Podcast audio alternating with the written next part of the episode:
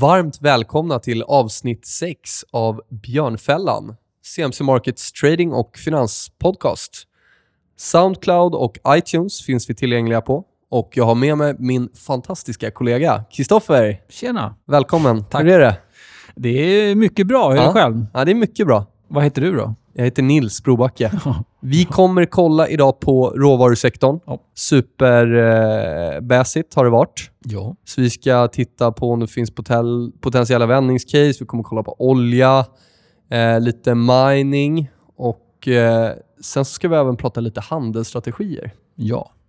Trendföljande strategier, swing trading och day trading. Vad som skiljer och lite vad man ska tänka på. Så lägger jag till mean reversion och contrarian också ska vi kolla på. Precis. Perfekt. Då kör vi igång. Det gör vi.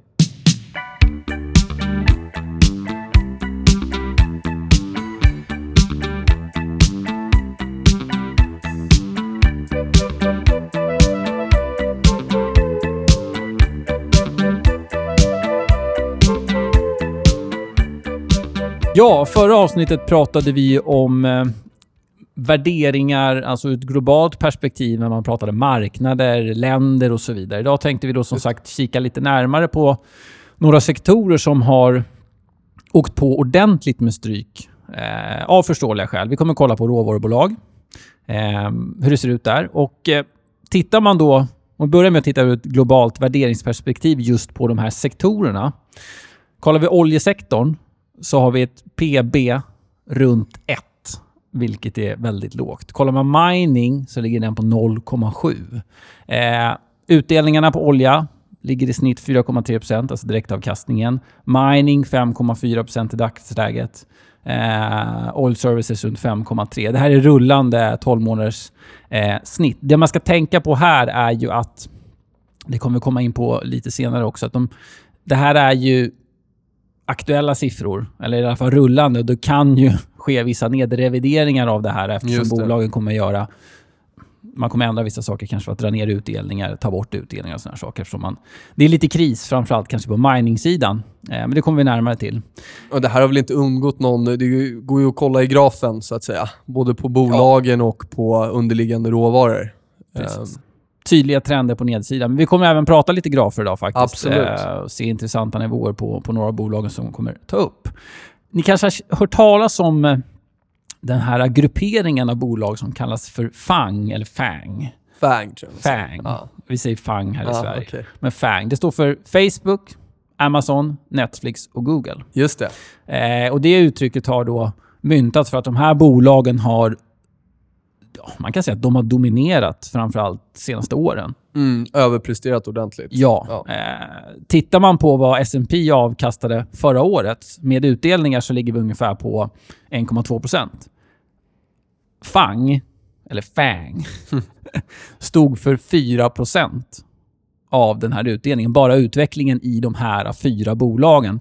Så de har gått extremt kraftigt. Tillsammans gick de upp ungefär 80 procent under 2015. Mm.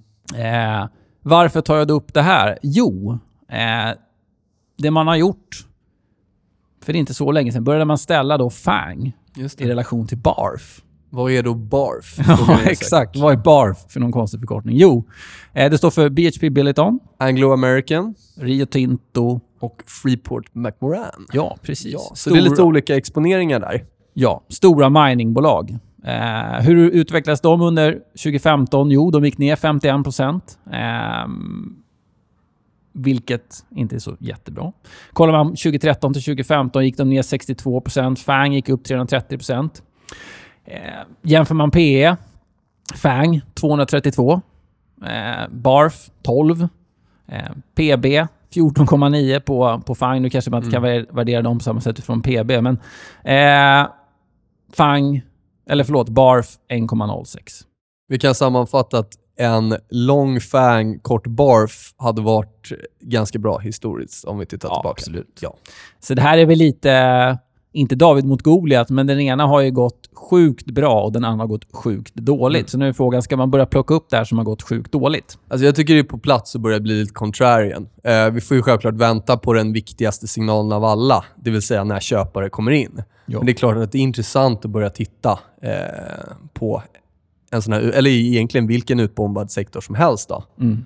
Ehm, Jag glömde nämna ett, det egentligen mest intressanta nyckeltalet här. Om man kollar på Google-sökningar på de här, eller Google News på de här FANG respektive BARF-bolagen.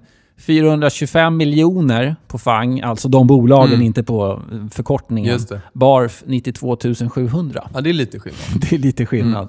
Det säger väl en del om vart intresset har legat senaste tiden. Vi kan ju kika lite närmare då på mining-sektorn, där BARF ingår. Just det. Det finns ett index som heter FTSE 350 Mining Index. Eh, Sen toppen 2008 så är det ner ungefär 70%. Mm. Så att mining-sektorn har ju haft problem länge. Råvarupriserna har gått ner under långa tider. Eh, det har varit svagare efterfrågan från Kina. Man har haft väldigt stora investeringar. Man har ökat på skuldsättningen i bolagen. Det har blivit lägre vinster och sen så då lägre råvarupriser som vi var inne på. Så det har varit många faktorer som har jobbat emot de här bolagen. Eh, så att de har ju blivit ur ett värderingsperspektiv om saker och ting återgår till det normala väldigt billiga. Sen är frågan, återgår saker och ting till det normala? Ja.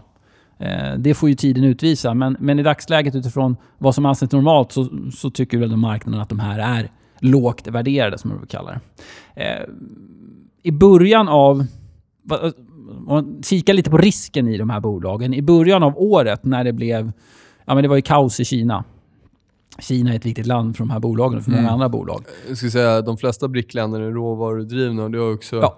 påverkat det här såklart. Absolut. Eh, fan kontra BARF om vi kollar historiskt sett. Exakt. Men de gick upp ganska kraftigt där va? Eh, försäkringen för att försäkra sig mot en eh, eventuell default på de här bolagen. Den så kallade CDS-spreaden eh, ökade väldigt kraftigt eh, i början av året. Framförallt i Freeport, Glencore, Glencore Mm. och Anglo America. Det kom ju en ordentlig dipp där igen då. Ja. Eh, I, de, Eh. ja, i olja och lite sådär. Och som sagt, Kina kraschade. Mm. Nu har det kommit ner betydligt, men de var på nivåer som var extremt höga. Jag tror Anglo American var på nivåer där man pratar om liksom 25, inom fem år så är det 25% risk att de defaultar. Mm. Nu har det kommit ner betydligt, men eh, eh, Rio Tinto och eh, BHP ligger betydligt mycket lägre när man kollar på CDS-spreaden. De ligger fortfarande högt, men de pikade inte alls på samma sätt som de andra bolagen.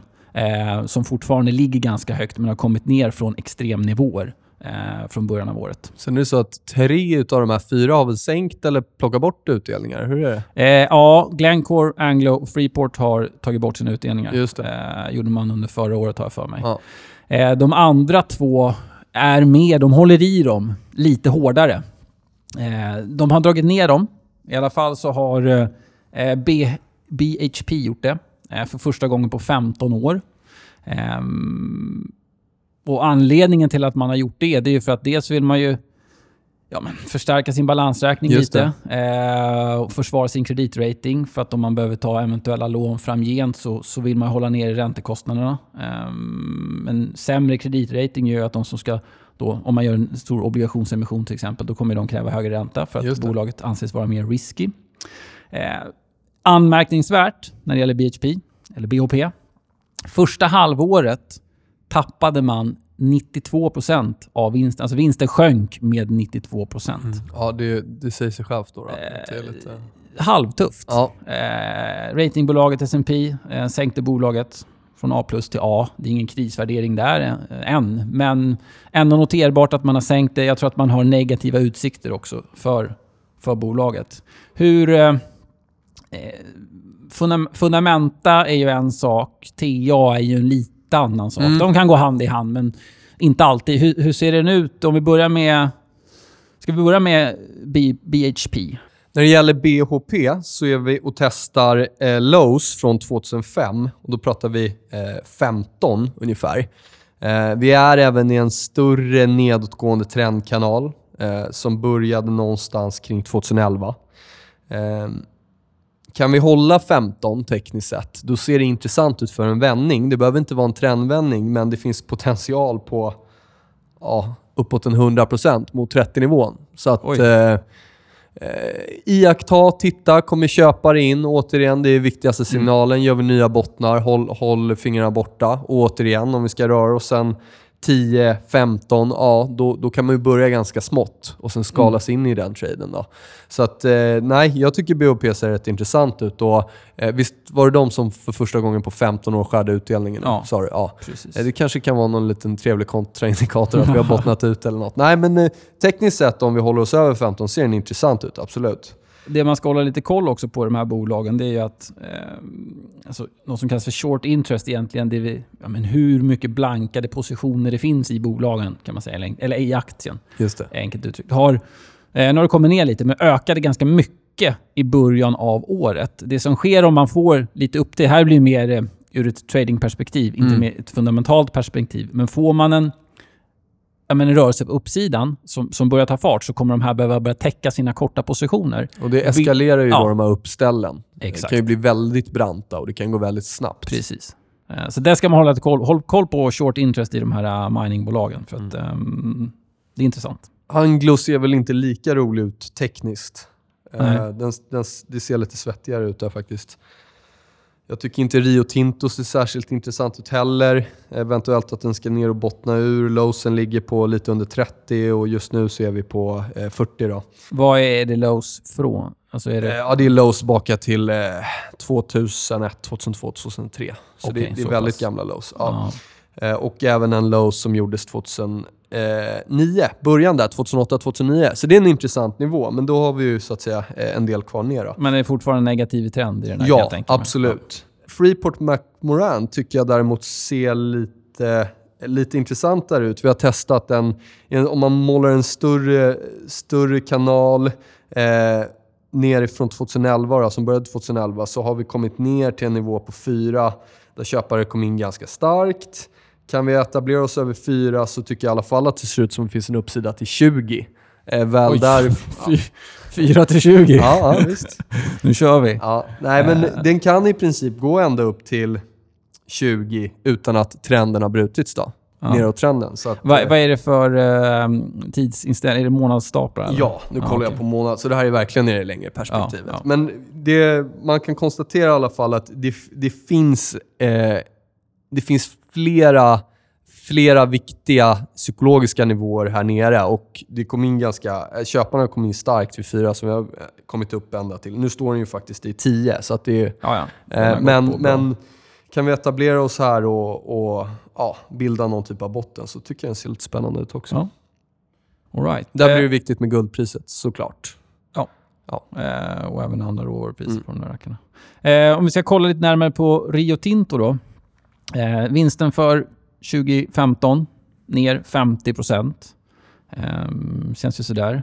Man ändrar sin... De behåller sin utdelning eh, från förra året, men man Mm. ändrar sin policy från att, eh, vad ska vi säga, inte röra utdelningen inställning till en mer vi ska värna om, om bolaget och aktieägarnas bästa. Alltså man ändrar lite inriktning och jag tror att man gör det för att man ska kunna slicea utdelningen. Inte kanske ta bort den helt. Det beror lite på hur, hur, hur det går såklart för bolaget, men att man, man öppnar upp för att kunna eh, skära utdelningen helt enkelt. Eh, men aktuell direktavkastning på den, eftersom man behåller utdelningen eh, så som den har varit tidigare och den har tappat ganska mycket, ligger runt 8 Eh, sen så som sagt, finns ju en anledning till att den ligger på 8 i dagsläget för att kursen har fått, fått en hel del stryk. Då. Eh, och sen så payout ratio, om man kollar till hur stor del av vinsten som betalas ut så ligger det på 132% Så man betalar ut mer, mer ehm, i utdelning än vad man genererar vinst. Man får ju ta från, det. från andra håll för att kunna täcka upp det och det är ju inte hållbart på sikt såklart. Um, Moody's har sänkt ratingen till, eh, på det här bolaget till det lägsta inom investment grade-segmentet. Så där tror jag att de kommer vara väldigt måna om att... eh, Inte bli nedgraderade nej. från investment grade. Det kommer ju det bli väldigt bra. jobbigt. Ja. om man behöver ta nya lån och sådana saker blir det väldigt, väldigt mycket dyrare. Så där kom, jag tror också det är en anledning till att man kanske har dragit ner, om man har en, en mer öppnare inställning till utdelningspolicyn. Till exempel att ja, men det är klart man kommer ta bort den om det krävs för att inte bli nedgraderade. Ehm, kollar man på, vi har ju Morningstars kvantitativa aktievärderingar i handelsplattformen. Om vi kollar hur de värderar de här bolagen så Rio Tinto ligger ungefär Alltså den fair value, alltså den ligger ungefär, vad ska vi kalla det, normalvärdering. Den är inte undervärderad eller övervärderad. Den ligger, ligger någonstans där mittemellan. Eh, BOP, eller BHP, eh, ligger på gränsen till undervärderad. Eh, Glencore övervärderad, Freeport övervärderad, Anglo America övervärderad. Enligt Morningstar. De här bolagen är ju, som vi nämnde i början, de är väldigt råvaruberoende. Mm, Eh, absolut. Ska vi kolla lite på hur det ser ut då på, på kopparsidan, Mm. eh, järnmalmssidan, aluminiumsidan som, som de har, ja, är beroende av vad det gäller Mm. prisutvecklingen. Eh, rent tekniskt sett, vad, vad, hur ser det ut där? Ja, men koppar, den är spännande. Det har ju varit... Det har ju inte varit något roligt att ligga lång i koppar sedan ja, 2011 egentligen. Nej. Nu har vi kommit ner och testar en uppåtgående trendlinje som har bottnar både 2008, 2009 men även bakåt till 2002, 2003. Eh, köpare kom in starkt vid den här botten då, eller eh, uppåtgående trendkanalen och det var någonstans vid 200.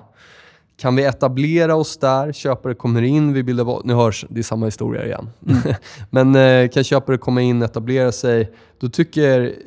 Ja, rent grafmässigt så, så är vi väldigt långt ner i en, en större uppåtgående trend. Då. Mm. Sen är det klart, åker du igenom 200, eh, då får man vara försiktig. Är det månadscandlesticks Mm. du kollar på? Eller? Ja, ja, exakt. Eh, sen är det väl så att man brukar säga att eh, koppar, i alla fall innan det här raset, så var ju koppar väldigt korrelerat med börsuppgång. Ja, konjunkturen. Ja, Mm. och, och det har inte, har inte alls gällt de senaste åren. Då. Nej. Ehm, nej, men den, jag tycker den känns spännande. Mm. Eh, det finns, eh, finns flera anledningar till att titta lite extra på koppar. Yes. Om vi tittar på, på järnmalmen då, som, som de, många av de här bolagen är beroende av. Hur ser den ut? Eh, kan jag tänka mig att det är ganska negativ trend i den. Ja, nej, men den har ju tappat otroligt mycket. Mm. Och det är ju, som du säger, det är en nedåtgående trend. Just nu är vi, handlas vi till 56, men tittar vi toppen 2013 så var vi uppe på 150. Ja, så att det är en okej. okej nedgång. Eh, och 2011 var vi uppe i eh, ja, 175 någonting. Då, så Mm. att, eh, åkt på det mycket och det syns ju på de bolagen kanske som sysslar, eller har det. Men det är samma sak där. Det känns ju som att de flesta råvarorna är i ungefär... De är liknande trender. Man, Mm. man behöver se en botten innan det kan, kan bryta ut. Så är det alltid i och för sig. Men det är det man också måste ha lite is i magen kanske. Och våga invänta Mm. att det blir en botten. Och sen kommer det, visst, saker och ting korrelerar ju, men det är klart att det kommer finnas vin, ah, relativa vinnare i råvarusektorn om Ja. den vänder. Och det är väl kanske där, det man vill identifiera också. Precis. Ehm, aluminium nämnde vi. Den är också nere på låga nivåer. Det är inte riktigt nere där vi var eh, under finanskrisen. Eh, vi har inte kommit ner till 1250 ännu, vi står i 1500. Men, men eh, ja, trenden är ner och Mm. eh, inte jättemycket som pratar för att aluminium ska vända just här kanske. Samma sak där. Ja. Behöver identifiera en botten. Eh, var det någon annan råvara vi skulle kika på? Eller vi kommer ju återkomma till oljan här när vi pratar om oljebolagen. Absolut. Ehm, ska vi göra som så att vi hoppar över på, på oljesidan och energisidan? Det tycker jag. Ja.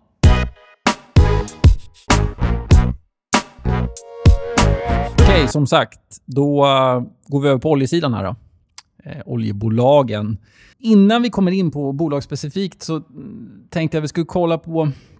Det har ju skett ganska stora nedrevideringar av vinsterna i USA om man kollar på bland annat S&P index Just det. Eh, och om man bara jämför med hur det såg ut i somras så eh, har egentligen alla sektorer, om man tittar fram till idag, nedreviderats successivt. Det vill säga man får lägre och lägre förhoppningar. Nu pratar vi Q1-rapporterna Just det. som kommer in här. Ehm, lägre och lägre förhoppningar hela tiden.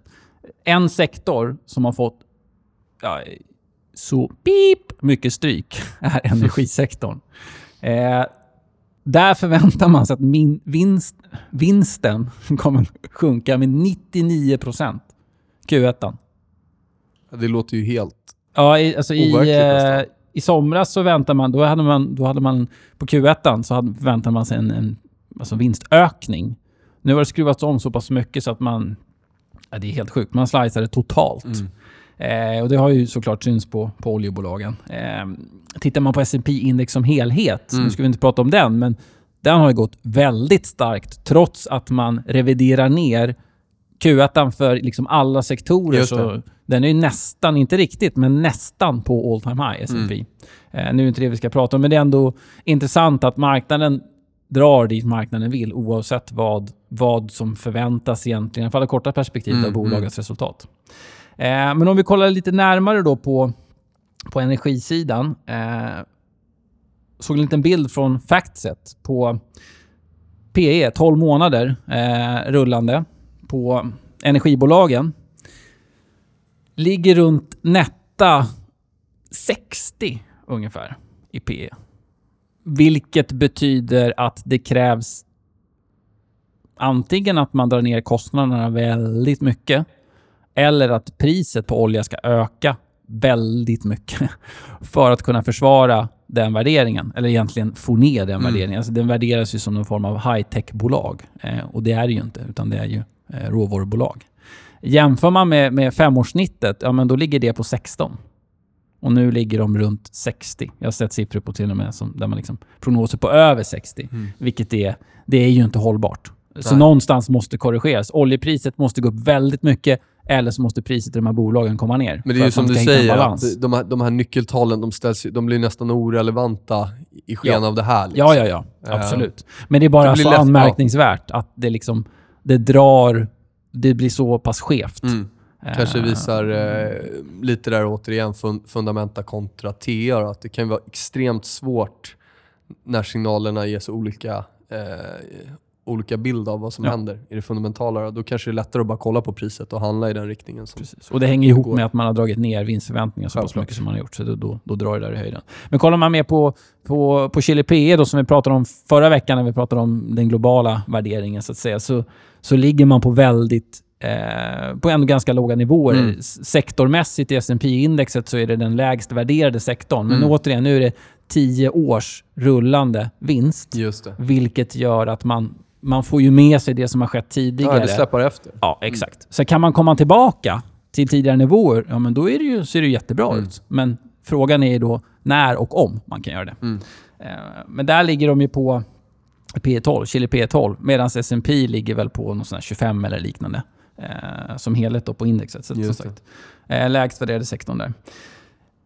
Lite oroväckande om man kollar på, på kassaflödet, eller operativa kassaflödet Q4 för de här eh, energibolagen, så är det ner 40% om man jämför Q4 i år, eh, om det förra året då, mot Mm. året innan. Eh, så där har de tappat väldigt mycket på kassaflödessidan. Eh, positivt dock, lite kortare perspektivet, Fitch gjorde en liten analys av CDS-spreadarna på de här bolagen. Har kommit ner ganska kraftigt senaste tiden. Hänger väl ihop med att vi har fått en ökning av oljepriset kanske.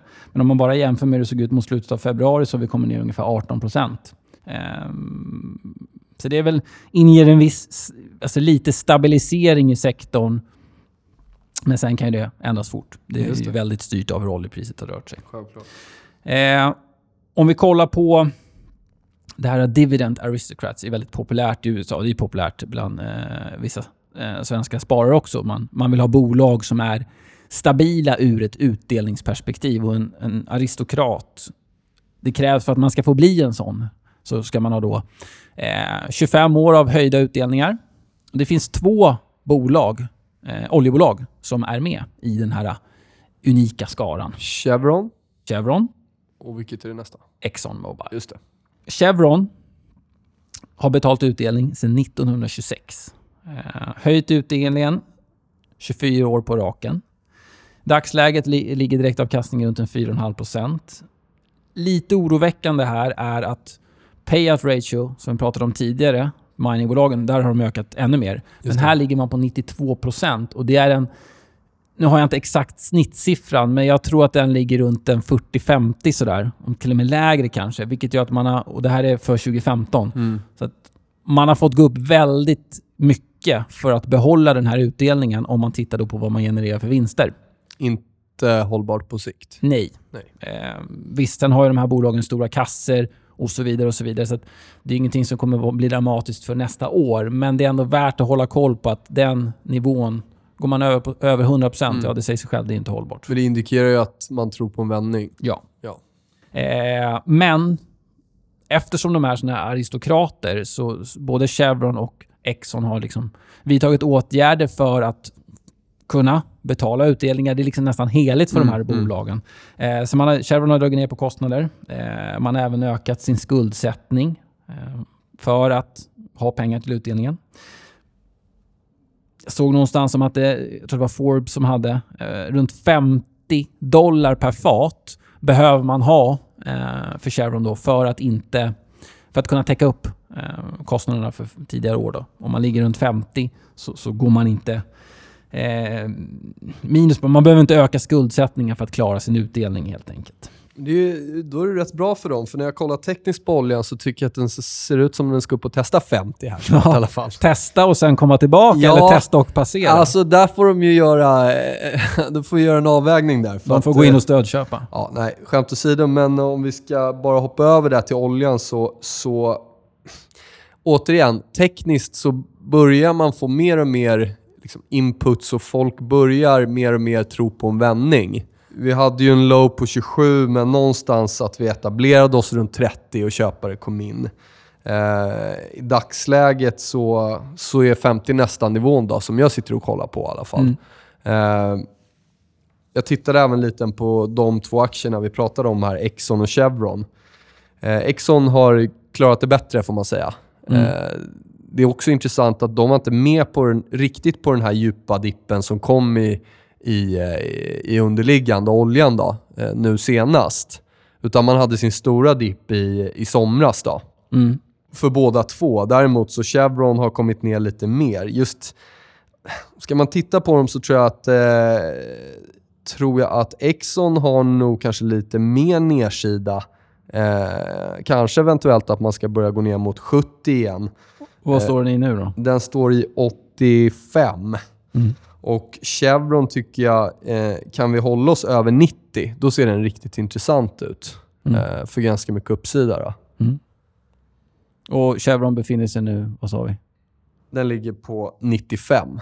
All right. Så kan vi etablera oss 90 där är över viktig 90 och så, så tycker Mm. jag den ser, ser spännande ut. Så 90 är viktig nivå för Chevron. Okej. Mm. Ehm, sen ska nämnas också, alltså ratingmässigt, det är ju viktigt för de bolagen för att de eventuellt kommer behöva ta in mer pengar. Så, Mm. så har de ändå, i alla fall Chevron, eller båda två för den delen, har, de har OK-rating. Ehm, S&P har sänkt sin rating på, på Chevron, men fortfarande de har AA minus eh, och Moody's ligger de på näst högsta. Så att investerarna är ju inte oroliga på det sättet om man ska, eh, ska skicka in lite pengar där.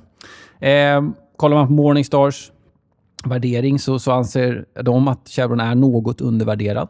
Eh, ligger strax under eh, den här rättvisa värderingen, kommit in på undervärderade området.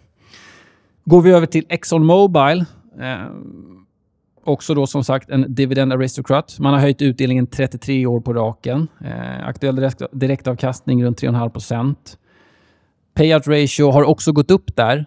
Eh, Jag tror att man ligger runt 30-40 i snitt och ligger nu på 60% så att det inte alls i Chevron-nivån. Ehm, Men den ökade som sagt kraftigt under 2015. Man är lite mer man är väldigt beroende av oljepriset. Man, man är lite mer segmenterad om man nu jämför med Chevron för att man har även två andra områden som genererar bra med intäkter. Oljan är en väldigt viktig del, men man har även intäkter från andra områden. Just det. Vilket gör att man inte blir... Man är känslig, men inte lika känslig. Jag tror det, det kan ha att göra med hur det ser ut TA-mässigt, att man ligger lite längre upp än, än Chevron också. Då. Mm. Just på grund av det. Kollar vi ratingen, eh, som är intressant som sagt, så har de trippel A. Det finns bara två bolag utöver Exxon i USA som har trippel A och det är Microsoft och eh, Johnson Johnson. Två ganska Ja, två giganter. välskötta bolag. Ja, ja, men absolut. Så det här är ju en, nu, nu ligger den under lite bevakning av S&P då, som, Mm. har, som har den här ratingen. Men det är ju såklart en, en kvalitetsstämpel. Visst, skulle man dra ner den ett steg, det är ingen, det är ingen kris. Men att vara ett av tre bolag som har trippel A i USA inger ju ändå ett förtroende. Självklart. Och jag tror att man kommer göra ganska mycket för att behålla den fjädern i hatten. Man har bland annat tagit in 12 miljarder eh, dollar hyfsat nyligen. Eh, jag tror att det var den största obligationsrundan man har haft. Just för att stärka upp och sen även kunna plocka upp... Det har inte varit så mycket uppköp alltså i de här utbombade sektorerna så har inte giganterna varit så aktiva vad gäller förvärv. Och det, det. kanske har förklarliga skäl. Man, det har väl funnits en viss osäkerhet och så vidare. Men de har signalerat om att de har börjat kika på förvärv nu och har då stärkt upp för att eh, kunna genomföra dem. Um, även Moody's, ska jag nämna också, har högsta ratingen på Exxon. Så det är liksom ett stabilt bolag på det sättet. Eh, värderingsmässigt, vad säger Morningstar? Jo, de säger att eh, även Exxon är undervärderad enligt deras kvantitativa värdering. Då. Så det, det är intressanta bolag. Hög risk, men det känns som att miningsektorn är... Ja, det känns betydligt mycket skakigare där. Eh, men visst, sen vänder det där så kan det bli en väldig gummisnoddseffekt. Men ja, mm, Nej, jag tycker koppar ser spännande ut mm, faktiskt. för ett utbrott på Ja, uppsidan. exakt. Om Mm. vi kan, som vi sa där. Så håll koll på underliggande koppar, hå- håll koll på oljan och sen så om ni kan hitta vinnarna i de sektorerna om det väl vänder där vi vill vara. Var det det om det kanske, om råvaror? Ja, precis. Nu går vi över till, eh, ska vi kalla det del två, där vi mer pratar om trading-relaterade ämnen. Det tycker jag.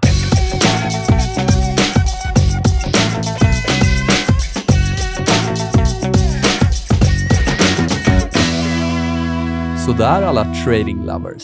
Nu är vi tillbaka.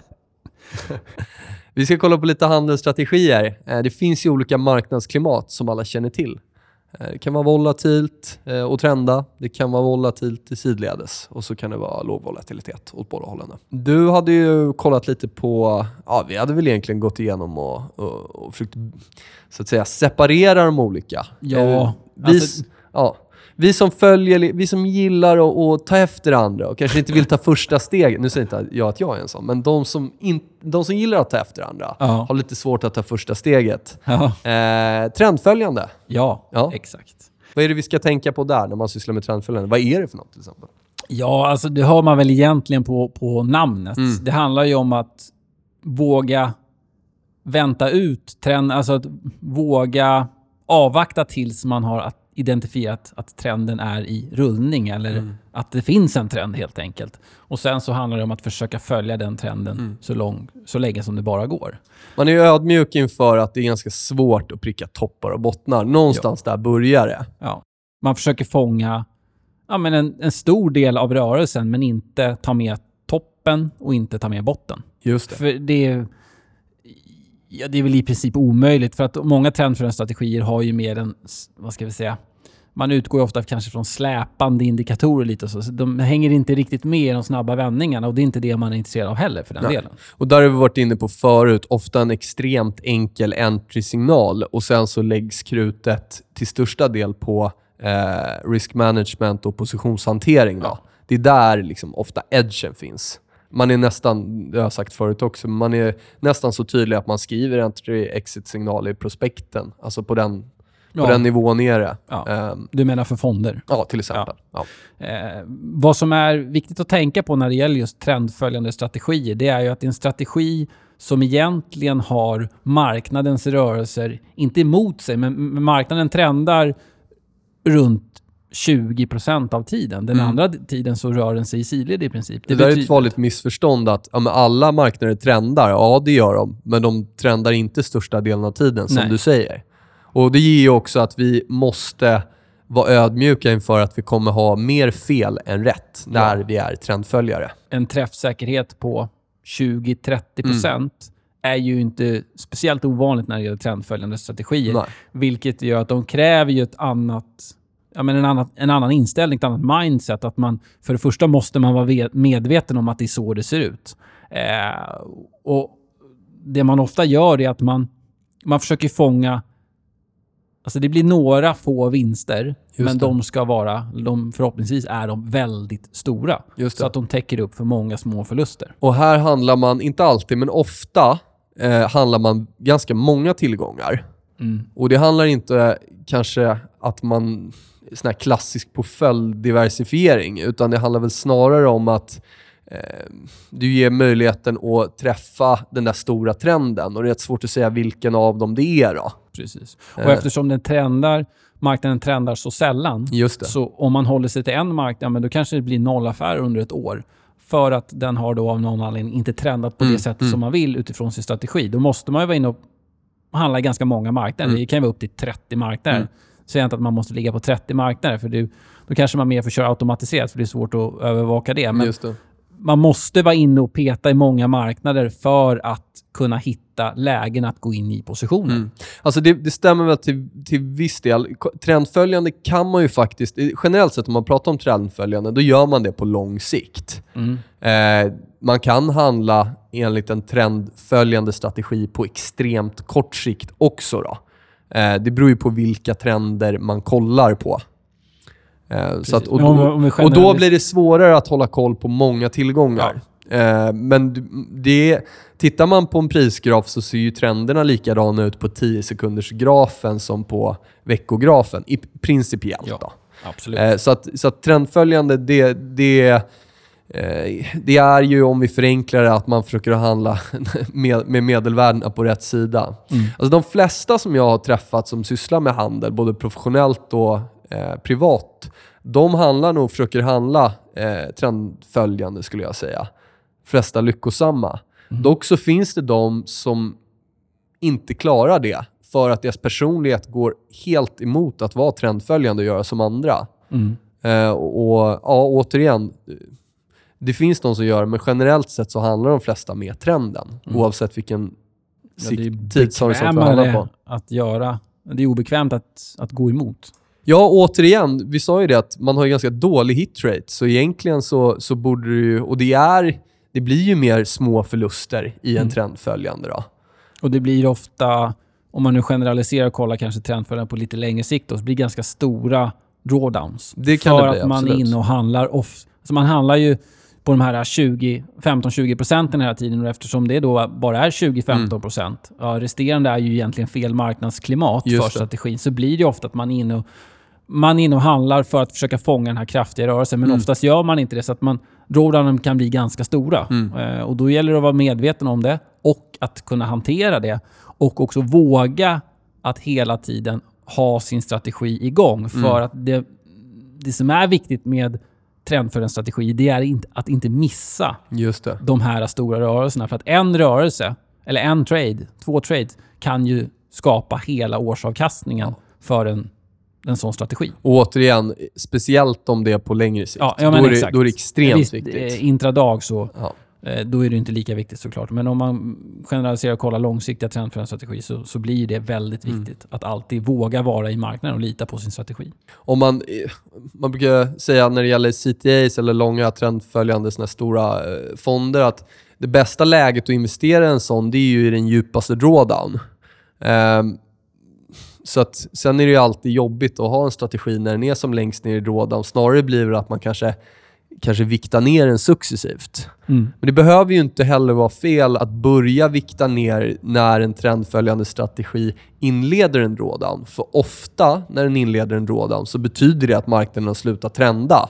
Och då kanske vi ska ha en tid av konsolidering. Mm. Man behöver inte göra allt på en gång för då riskerar man att missa den här stora trenden. Men säg att man successivt viktar ner sin trendföljande modell då, en, ju djupare i drawdown den går och sen börjar så att säga vik, vikta upp den om, om man tycker att det börjar vända och, Mm. och den börjar prestera bättre i marknadsklimatet. Mm. Återigen, ganska svårt att, att hoppa mellan olika strategier. Eh, det ultimata vore ju om vi liksom kunde, ja, eh, ku- kunde veta vilken strategi vi ska koppla på eller köra. Det är det som är problemet. ja. Eh, CTA som du var inne på Mm. har ju haft, fått, fått mycket skit Mm. senaste åren för att det har inte funkat. Men ibland har det fungerat väldigt Ja, bra. 2014 var det ju bäst, bästa. Ja, Och 2008 var det väl också bästa. precis. Ja. Och då var det ju många som, som hade det väldigt tufft ett tag tills det smällde på ordentligt. Just det. Då var det de som kom ut med 30% avkastning på Just det. året. Och det var kanske några bolag som de gick in i Mm. som började trenda kraftigt neråt. Och så lyckades man fånga... Man vände en... Vad är det här för strategi som ni har? Den är helt värdelös Mm. till... Oj, vilken fantastisk strategi. För att de... Ett, ett av de största kraschåren så genererar man positiv avkastning. Mm, mm. Och alla buy and holds Mm.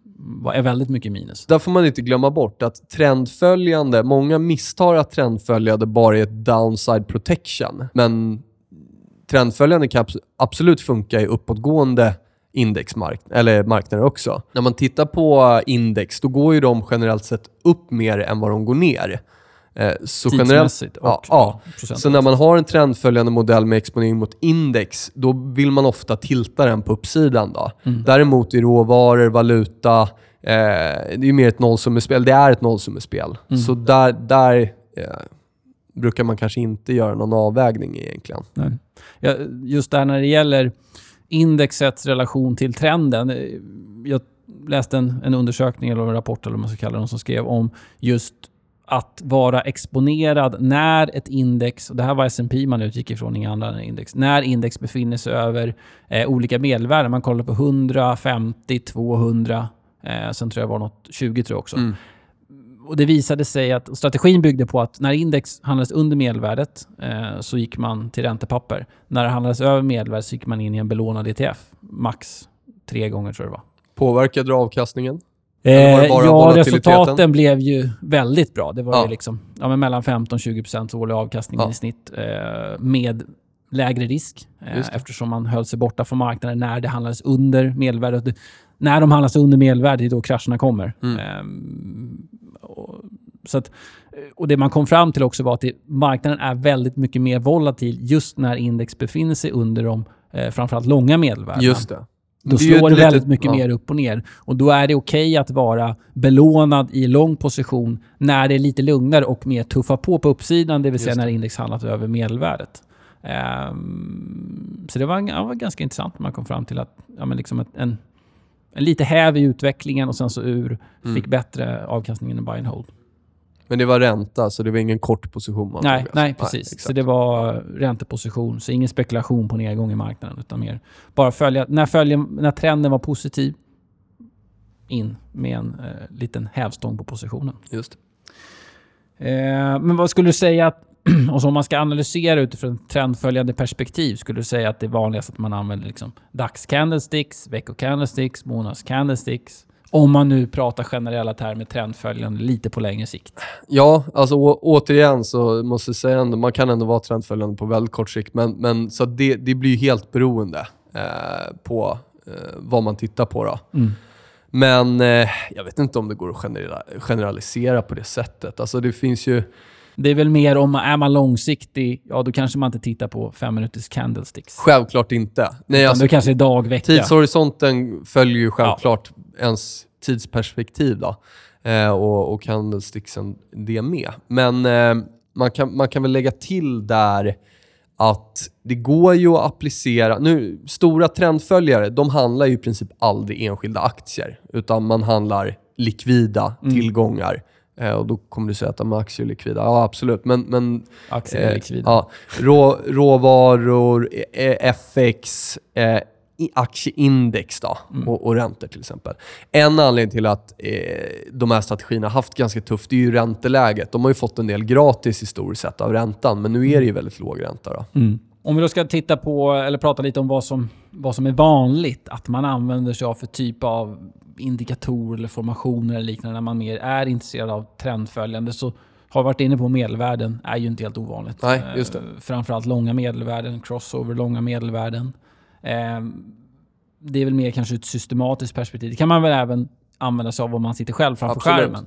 Eh, Men det är lite svårare att titta på formationer ur ett systematiskt perspektiv. Det är lite svårare. Så där håller man koll på positionerna själv via skärmen, eh, entries, exit och så vidare, så kan man ju absolut använda sig av formationer. Absolut. Eh, omslagsformationer, fallande kilar, stigande kilar för att liksom se om det finns en indikation på en trendvändning. Sen så är man ju inte på det på en gång, Nej. men det är en indikation på att, att trenden vänder. Och det är klart att det finns ju alltid bättre och sämre lägen i en trend att komma in. då. Mm. Eh, Så att det ultimata, eh, det vore ju att hitta i en uppåttrend och hitta eh, så översålda lägen som möjligt. Då.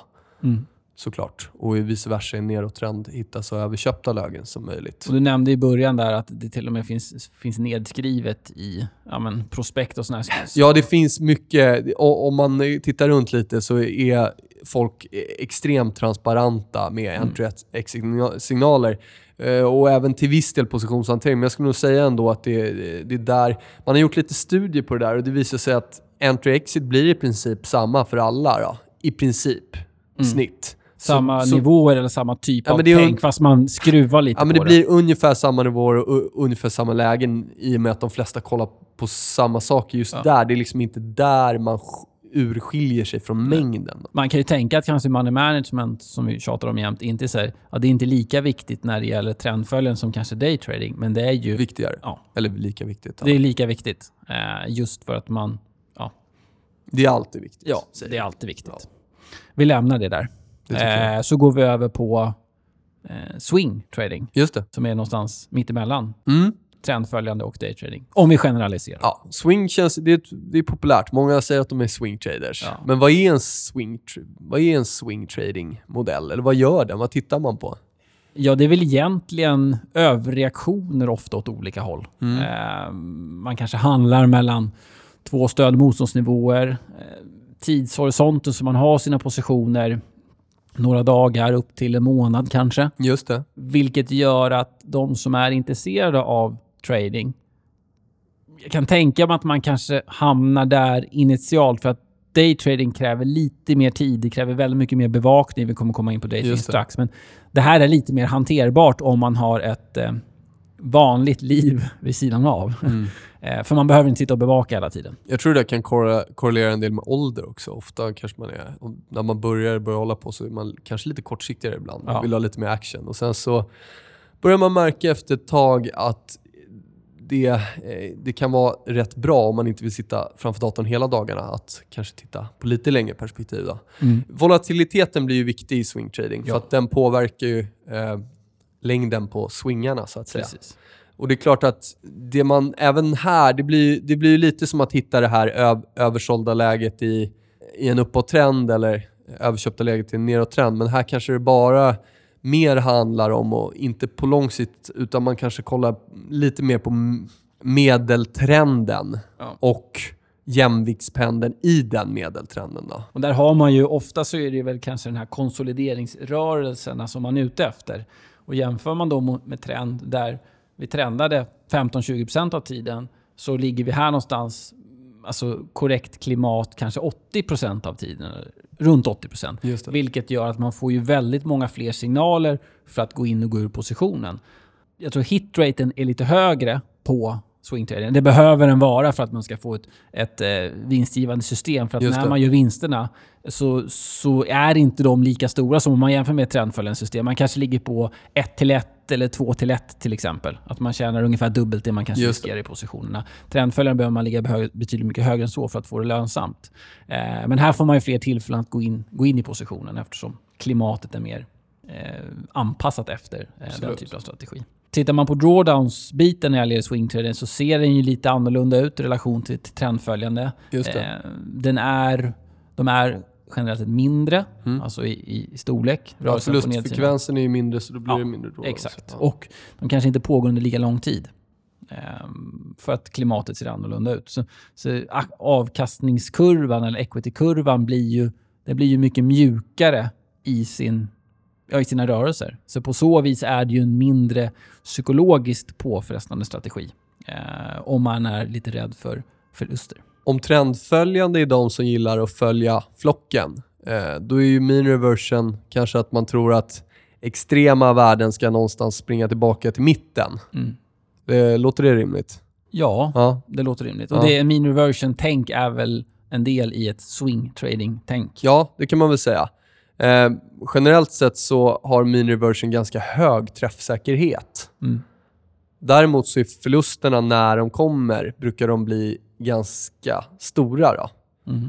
Eh, för man brukar behöva ge strategin en del utrymme och ofta kommer den tillbaka. Men när den inte gör det, då, då kan det gå på rätt Då bra. Så där, där gäller det såklart att man inte förvandlar, om man nu kör min reversion, att man inte plötsligt, ja, inte, eller att man ligger kvar i positionen och inte tar förlusten och sen ändrar det där till någon annan strategi. Då. Så Mm. att eh, det blir det blir, kan vara ganska jobbigt att ta många vinster och sen så kommer en större förlust som, som eh, plockar bort en del av det. Då. Men Mm. så, det är, den, det är så det ser ut. Pivotpunkter används ju av, om man mer kollar på dagsbasis, eh, i ju ett lite mean reversion tänk Man Mm. har en, en vad ska jag säga, genomsnittslinje baserat på oftast eh, gårdagens rörelser och sen så tänket att man handlar runt den här linjen och sen så lägger man på då eh, oftast två stödlinjer och två motståndslinjer. Just det. Och det är ja, men ett tänk kring att kursen handlas runt sin jämviktsnivå för eh, gårdagens handel. Just det. Och så, så tar man position i relation till de här områdena. Då. Det finns ju massa indikatorer så där man kan använda. Bollingerband är Ja. ju superpoppis. RSI, Stochastic. Ja. Ehm, så det är ju... Det är väl inga vetenskapliga indikatorer där heller. Och det är väl det aldrig när det gäller ehm, liksom trading. Men det är väl vad ska jag säga, kanske lite mer... Inte avancerat, men jag vet inte om man jämför mot en trendföljare. En trendföljare känns, det känns som det mest basic vad gäller tänk för entry-exit. Mm, Eh, absolut. håller du med om det? Eller? Ja, absolut. Här blir det väl lite mer komplicerat. Man kanske lägger på lite ytterligare filter om man ska uttrycka men det är fortfarande så, så är strategierna i sig, tänket är saker och ting återgår till Mm. det normala då i situationstecken. Där är det viktigt att tänka på om man är en trendföljande, speciellt på lång sikt, eh, verkligen inte vill missa sina vinnare. Så återigen, gör vi många vinnare i en strategi, då är det inte så farligt att missa några trades. Nej. Det är bättre att inte handla de gångerna då det finns risk för att volatiliteten kanske ställer till stora problem för ens vanliga riskkontroll. Mm, Eh, och där har man råd att mi- missa ett par trades då. precis. Och det kan ju vara beroende på marknadsklimat eller bara att man kanske själv är, inte ska handla just då av någon Exakt. anledning. Man är inte i balans. Nej, kanske det. Eh, sen ibland pratas det om runt om på sociala medier och artiklar och så vidare om det här att eh, bolag, index etc. handlas väldigt långt ifrån 50 dagars medelvärde, 200 dagars medelvärde. Det är också det här eh, mean reversion-tänket att nu har det gått lite för fort på upp eller på nedsidan. Så Mm. att det normala har blivit, det är inte normalt längre, utan nu börjar det bli onormalt. Så aktien har gått för kraftigt åt något håll och då är också teorin tänket att okej, nu är det lite väl stretchat, nu borde det gå tillbaka mot medelvärdet igen. Just det. Och så tar man position på det. Mm. Eh, att saker och ting som sagt återgår till normala.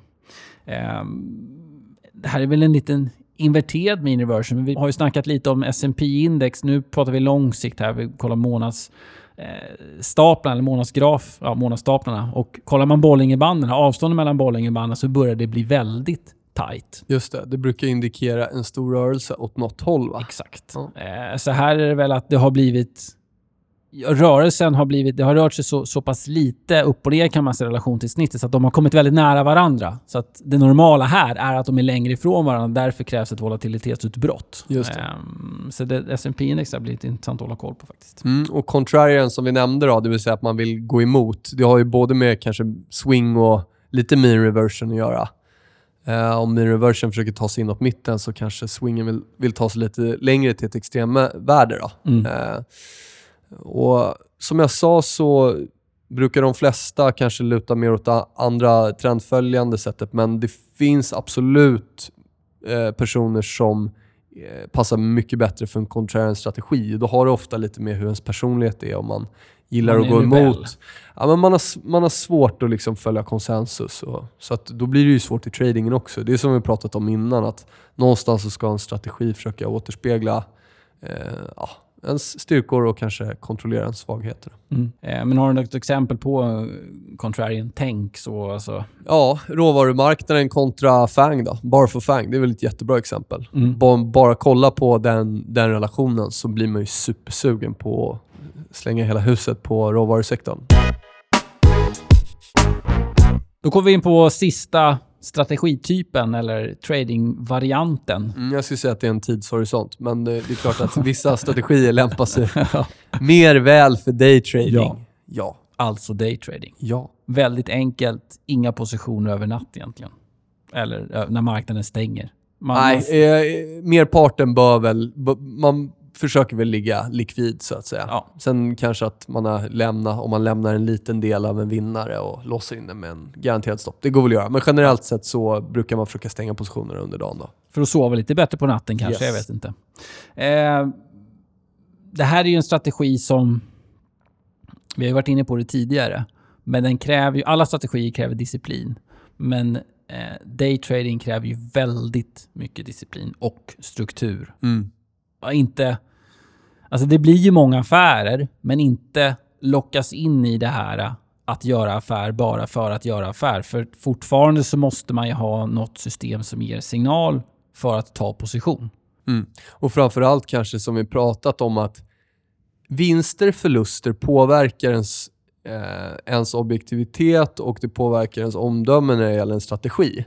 Och Det är klart att om du gör 200 affärer på en dag, då är det både fler vinster och förluster. Mm. Eh, de kommer frekvent och därför så ökar ju risken för att man börjar påverkas. Då. Självklart. Så därför blir, ju, därför blir ju vikten av att vara extremt systematisk. För du, har liksom, du kan liksom inte...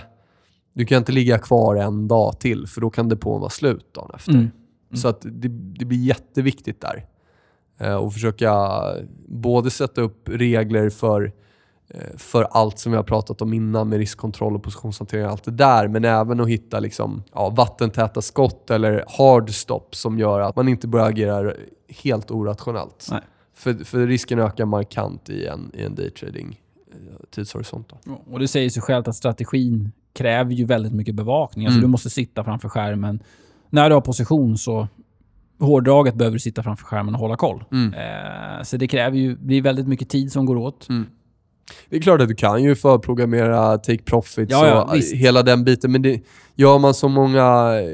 Handlar man så mycket på en dag så då, då brukar man sitta där framför Ja, och man kanske vill ha just den här extra lilla kollen. Mm. Eh, och det blir ju väldigt mycket tid framför datorn. Ja, men det, om man tittar på det sociala, vilket man kanske inte ska underskatta egentligen. Eh, det kan jag väl att tänka, man kanske börjar att nej, det är inga konstigheter. Mm. Nej, men har hållit på i några år så sitter du där Mm. själv. Och det är väl kanske därför många jag tror försöker samlas och men man hyr kontor Mm. och det finns tradingrum och så vidare för att få en lite mer interaktion med andra och inte bara vara jag Nej, och det, min skärm. Det, det, blir, sen, det är klart vissa vill vara själva, men det blir, blir ganska tråkigt efter ett tag att sitta själv och handla. Eh, Du vill ha lite utbyte, du vill ha lite, lite surr och sådär. Så att eh, det kan, även, det kan även hjälpa till med de här sakerna vi, eh, vi pratade om, att man kanske inte går helt bananas heller. Nej, exakt. Någon som håller lite koll på en, kanske Ja. över axeln. Ja. Eh, sen så strategin i sig, trendföljden, där var man ju väldigt känslig för att kanske missa affärer. För att, Mm. ja, men, en affär kan göra hela Mm. året då, generellt. Men här blir man ju inte... Det finns ju så många handelsdagar på ett år. Man gör många affärer på dag. Så att missar man en trade eller två så, så är det liksom inte hela världen. Nej, du, kan ju missa en vecka också. Ja, men Alltså precis. det, här, det, här pratar vi verkligen så... i- Ingen trade är, är för viktig för att, för att jaga ikapp den Nej. eller gö- göra något dumt eller slänga på mer. Det är så otroligt många chanser kommer man få om man sysslar med, med handel på kort sikt. Precis. Det är aldrig motiverat att göra något utöver vad man har sagt att man ska göra.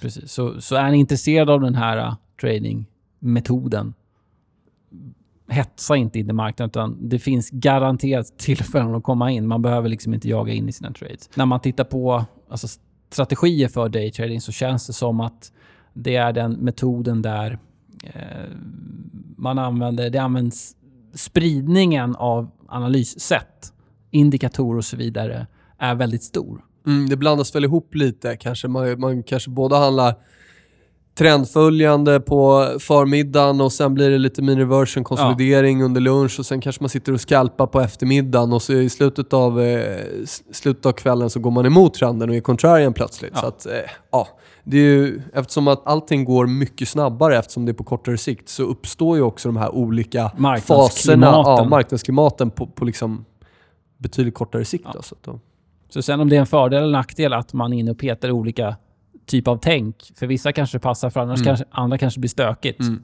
Ehm, jag vet inte, det är upp till, till var och en att, att känna efter det.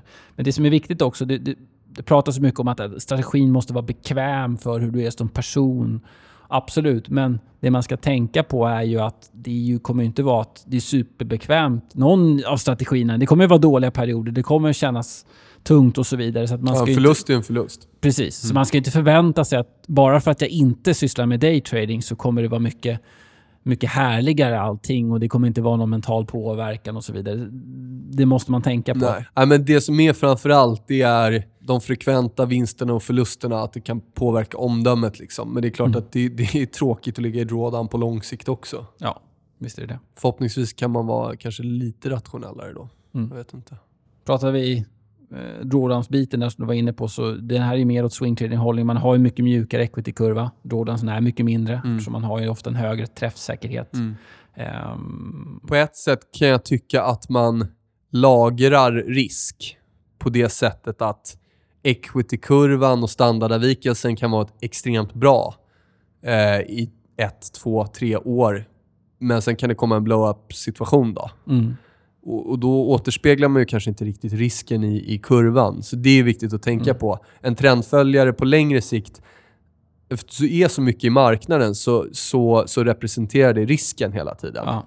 Eh, så att ja, man får tänka på det där att man, man liksom inte handlar med väldigt låg, låg risk enligt standardavvikelse men sen så på något sätt sparar man upp till en black swan scenario eller en blow-up situation. Då, så. Då blir det ju väldigt svårt att hämta igen det eftersom vinsterna i en daytrading-strategi är ju generellt sett men de är ju lite mindre för att det Just blir det. så många av dem Just det. förhoppningsvis. så man kan väl säga att det, det, är lite, det handlar mycket om hur, hur robust saker och ting är såklart. Ju enklare desto robustare kanske. Man kan generalisera. Det får sammanfatta daytrading-biten. Mm. Tackar Eh, vi för idag. Ja, det gör vi tycker jag.